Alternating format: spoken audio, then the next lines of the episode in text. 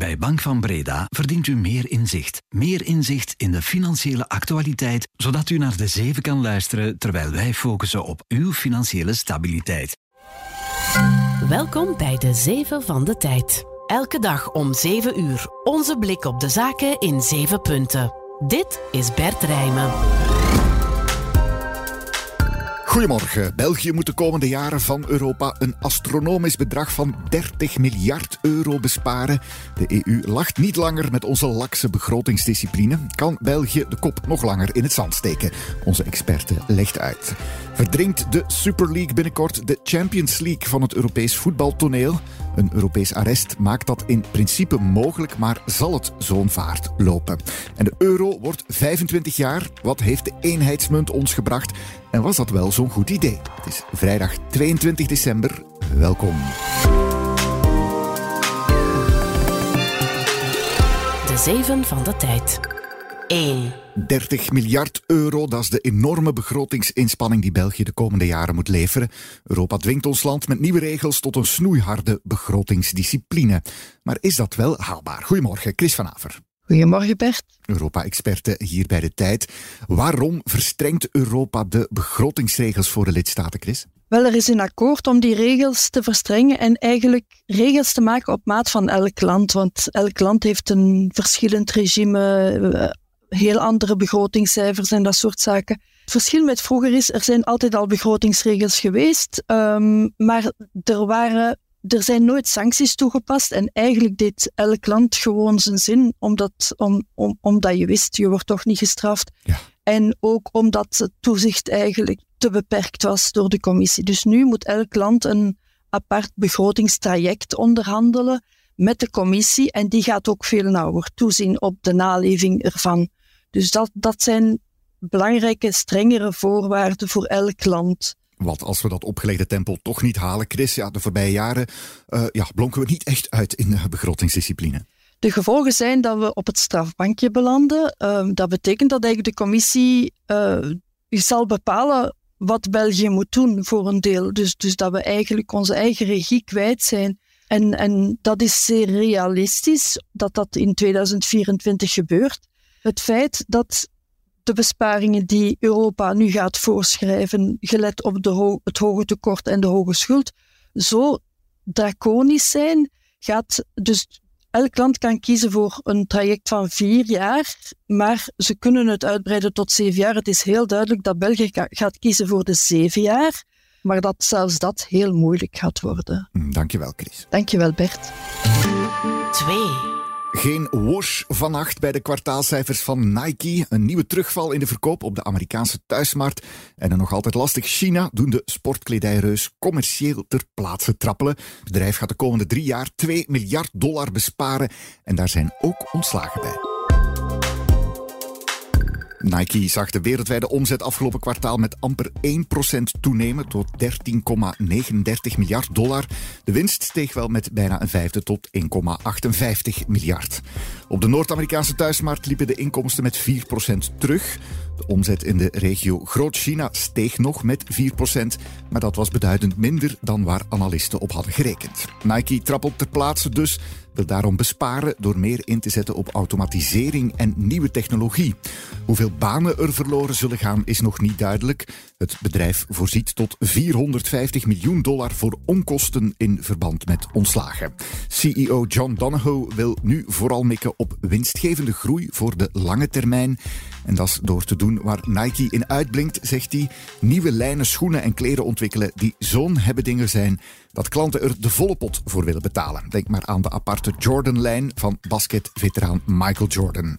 Maar voorlopig dus nog even stilzitten en geschoren worden. Na beurs zakte het aandeel Nike met meer dan 11 procent.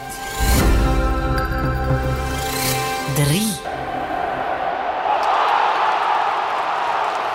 Is binnen. Maar of de Europese topmatchen enkel en alleen nog te zien zullen zijn tijdens de Champions League of de Europa League, dat is lang niet zeker. Een Europees arrest prikt gaatjes in de almacht van de voetbalbonden UEFA en FIFA, waardoor concurrentie en dus een nieuwe Europese competitie mogelijk wordt. Met die Super League staat er al een kaper op de kust. Goedemorgen, Dries Bervoets. Goedemorgen, Bert. Journalist sport en economie hier bij de tijd. Dries, waarom heeft de Europese rechter een probleem met UEFA? Wel, de rechters zien eigenlijk grote problemen met de manier waarop de UEFA uh, zijn competities, de bekendste is de Champions League, die miljarden genereert, ja, hoe, die eigenlijk, hoe zij die eigenlijk organiseren per definitie zegt de rechter niet noodzakelijk, want uh, UEFA is ook waakhond, uh, zij maken eigenlijk de regels, dat dat per definitie een probleem is, maar zij zeggen dat er eigenlijk geen uh, regels bestaan of duidelijke criteria zijn waarop eigenlijk de UEFA beslist om ook zelf die competitie te organiseren. En dat blokkeert eigenlijk ook alternatieven. Want wat ze eigenlijk vragen is dat er criteria zijn waarop competities die, uh, ja, in, die in concurrentie willen treden of een alternatief willen zijn voor de UEFA, zijn de, de, bijvoorbeeld de Super League, die de UEFA dus juridisch bestrijdt. Ja, dat zij duidelijk moeten horen of weten welke criteria zij moeten volgen om zich aan te melden, te registreren en eigenlijk een competitie te kunnen beginnen. En dat is de essentie eigenlijk van het arrest. Uitspraak Dries wordt nu uh, omschreven als echt baanbrekend. Komt die ja, zogenoemde Super nu echt een stap dichterbij? De rechter gooit niet alles open. Ze geven ergens aan dat er wel degelijk elementen zijn het specifieke karakter van sport, het maatschappelijke belang ervan, het sociale belang ervan, dat er wel degelijk elementen zijn om toch een aantal regels in te voeren waar competities aan moeten voldoen om te mogen opstarten. Uh, die Super League zou daar dan eigenlijk ook aan moeten voldoen. De rechter zegt wel degelijk, wij zeggen niet dat die Super League nu zomaar kan opstarten. Zij moeten ook aan die regels voldoen. En het zal dan aan de nationale rechter zijn, want het hele concept van het Europese recht is dat een nationale rechter in Spanje, waar die uh, Super League competitie is opgestart of gevestigd is, eigenlijk gevraagd heeft aan de rechter, check nu eens of dat, dat allemaal wel kosher is met het Europese recht wat die UEFA doet. En die rechter zegt dus van nee, maar opnieuw, het zal dan finaal wel die Spaanse rechter en nationale rechters zijn die zullen moeten oordelen of competities zoals de Super League mm -hmm. voldoen aan de regels en of zij eigenlijk recht hebben om uh, ja, een competitie te starten. En zij zullen moeten bewijzen dat zij eigenlijk beter zijn in alles dan de UEFA. Dat zal dus ook niet zo evident zijn. Uh, Dries, wat staat er nu eigenlijk op het spel? Ja, het is heel simpel. Het draait eigenlijk om geld. Omdat wat op het spel staat zijn die miljarden aan mediarechten die verkocht worden, nu exclusief door de UEFA. Omdat zij natuurlijk de exclusieve, exclusieve organisator van die competities zijn. Maar er zijn andere competities, alternatieven, zoals die Super League, die zeggen, laat ons dat doen. Laat ons de clubs daarin mee in bad trekken en hen ook een groter deel van de koek geven, door, dat door een co-eigenaar te maken van die uh, mediarechten. Daar ontstaat die strijd afwachten dus hoe dat zal lopen. Dankjewel, Dries. 4. De autoverkopers in ons land hebben een topjaar achter de rug. De meeste leveringsproblemen lijken voorbij en de veranderende fiscaliteit joeg veel bedrijfswagenbestellers nog snel naar de dealer. De automarkt herstelt zich stevig na enkele woelige jaren. Een van de absolute marktleiders is BMW. Klokt af op bijna 60.000 verkochte wagens en kroont zich zo voor derde jaar op rij tot het best verkochte merk in ons land. Een unicum is dat in Europa. Maar BMW is niet de enige die zich Belgische marktleider mag noemen. Dat doet Dieter ook, maar dan als importeur van al de merken van de Volkswagen Groep samen. De totale autoverkoop stevend dit jaar af op een groei van meer dan 30% Tegenover vorig jaar komt uit op ongeveer 480.000 exemplaren. Dat die verkoop weer in de lift zit, is te danken aan het opgelost raken van de meeste leveringsproblemen bij de wereldwijde autofabrieken. Veel bedrijfswagenbestellers holden dit jaar ook nog snel naar de dealer, bestelden daar een hybride wagen voor 1 juli, want sindsdien zijn enkel nog de volledig emissieloze en dus vooral elektrische auto's optimaal fiscaal aftrekbaar. Toch zit de autoverkoop in ons land nog altijd niet op het pre-corona niveau. Toen verkochten de dealers een half miljoen nieuwe auto's. Die tijden komen volgens de mensen in de sector ook niet meer terug. 5. De euro blaast met nieuwjaar 25 kaarsjes uit. De gemeenschappelijke munt zag op 1 januari 1999 het levenslicht. Een club van elf landen van de Europese Unie, waaronder België, startte er toen mee.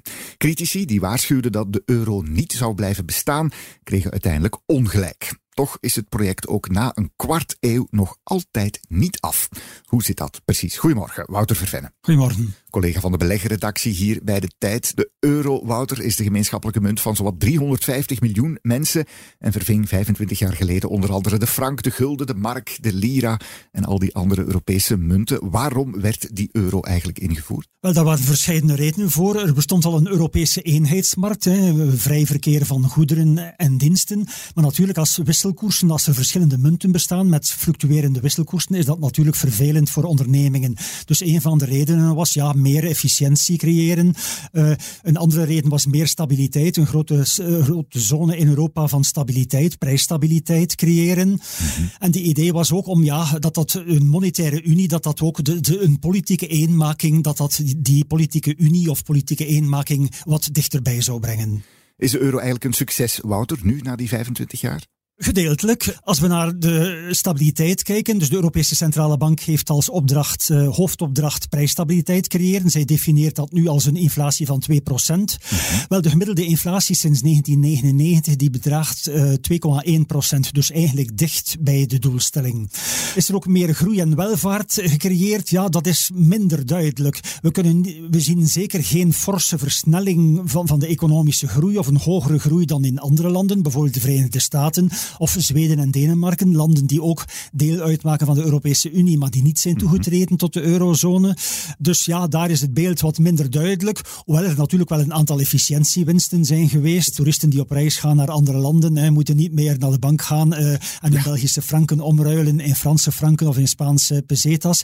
Um, maar dus ja, meer groei, meer welvaart, daar ja, is het beeld wat, wat minder duidelijk. De euro dus 25 jaar, 25 jaar monetaire unie, is dat dan eigenlijk hoe zit het intussen, uh, Wouter, met die politieke en begrotingsunie, uh, waar velen het toch ook over hebben? Het ziet er niet naar uit dat dat op korte termijn zal, werkelijkheid zal worden, omdat een aantal landen ja, een beetje op de rem staan. -hmm. Wel, zij vrezen als er een grote uh, begroting komt op Europees niveau, een grote begroting van de Europese Unie, ja, dat dat zal leiden tot een transfer, een, een, een verhuis van veel geld van ja, rijke, zuinige Noord-Europese landen naar wat armere Zuid-Europese landen die ja, wat ongezondere overheidsfinanciën hebben. En dus dat ligt wat, wat politiek ligt dat wat moeilijk. Dankjewel, Wouter.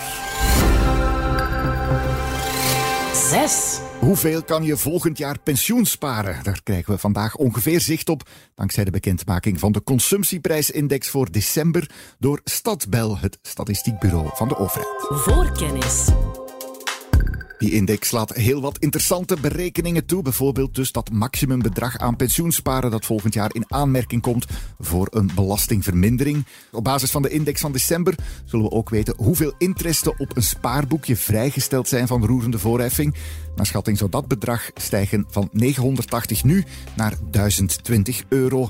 Dat wil dan zeggen dat je zo'n 51.000 euro spaargeld op de bank kan hebben waar je geen roerende voorheffing op moet betalen. Het is trouwens voor het eerst sinds 2019 dat de bedragen zullen stijgen. Toen werden de plafonds vier jaar bevroren. Voor de officiële cijfers is het wachten op de publicatie in het staatsblad van januari. Maar vandaag krijgen we dus al een idee. Zes.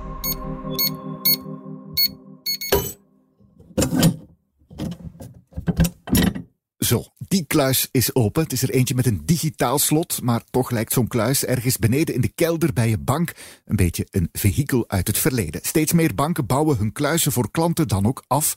ING stopt er eind dit jaar zelfs helemaal mee. Het gebruik van kluizen bij een bank zit al jaren in een dalende trend. De grote katalysator was de afschaffing van effecten aan tonder in 2005.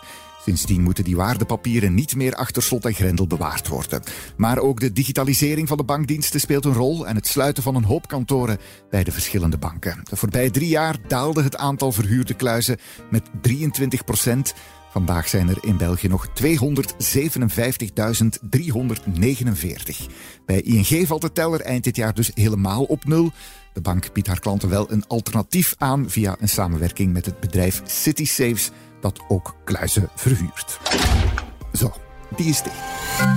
Daarmee zit de laatste, de zeven van deze week er weer op. Maandag is het kerstmis, dan zijn we er niet. Maar vanaf dinsdag blikken we vooruit naar 2024. Wat kan je dan verwachten op de beurs, op economisch en politiek vlak? En hoe zal de wereld internationaal evolueren? Ik blik telkens vooruit met twee gasten. De eerste twee zijn beursexpert Elver Morgen van de Tijd en hoofdredacteur Gert Bakelands van de Belegger over de beurs natuurlijk. Maar voor we daar aan toe zijn, is er morgen eerst nog een kerstkrant. Chef Weekend Sophie van Lommel, die weet al wat je daarin kan verwachten. We brengen een spannende reconstructie van het ondernemersverhaal van het jaar, namelijk hoe de redersfamilie Saveris tegenover de Noor John Frederiksen kwam te staan in de uitputtingsslag om uh, rederij Euronav. We reizen af naar Guyana, een tropisch landje naast Suriname. Daar werd dit jaar eh, een van de grootste recente olievoorraden ontdekt. Dat ontketende een heuse goldrush. We hebben de vrouw gevonden die de wonderprik Ozempic heeft bedacht, die iedereen massaal aan de afvalspuit uh, bracht.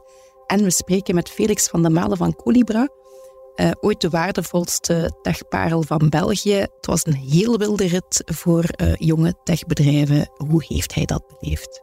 Voilà, helemaal klaar nu. De productie van deze De Zeven is van de hand van Job van Nieuwenhoven van op de redactie van De Tijd. Voor nu alvast een fijn lang kerstweekend en tot dinsdag. Dit was De Zeven met Bert Rijmen. Bedankt om te luisteren. Volgende week zijn we er weer. Tot dan. U verdient meer partners. U verdient meer zakenpartners. U verdient meer zakenpartners, zoals Bank van Breda. Zodat u echt tijd kan maken voor uw levenspartner. Ook u verdient meer Bank van Breda. Professioneel en privé. Bank van Breda. Enkel voor ondernemers en vrije beroepen.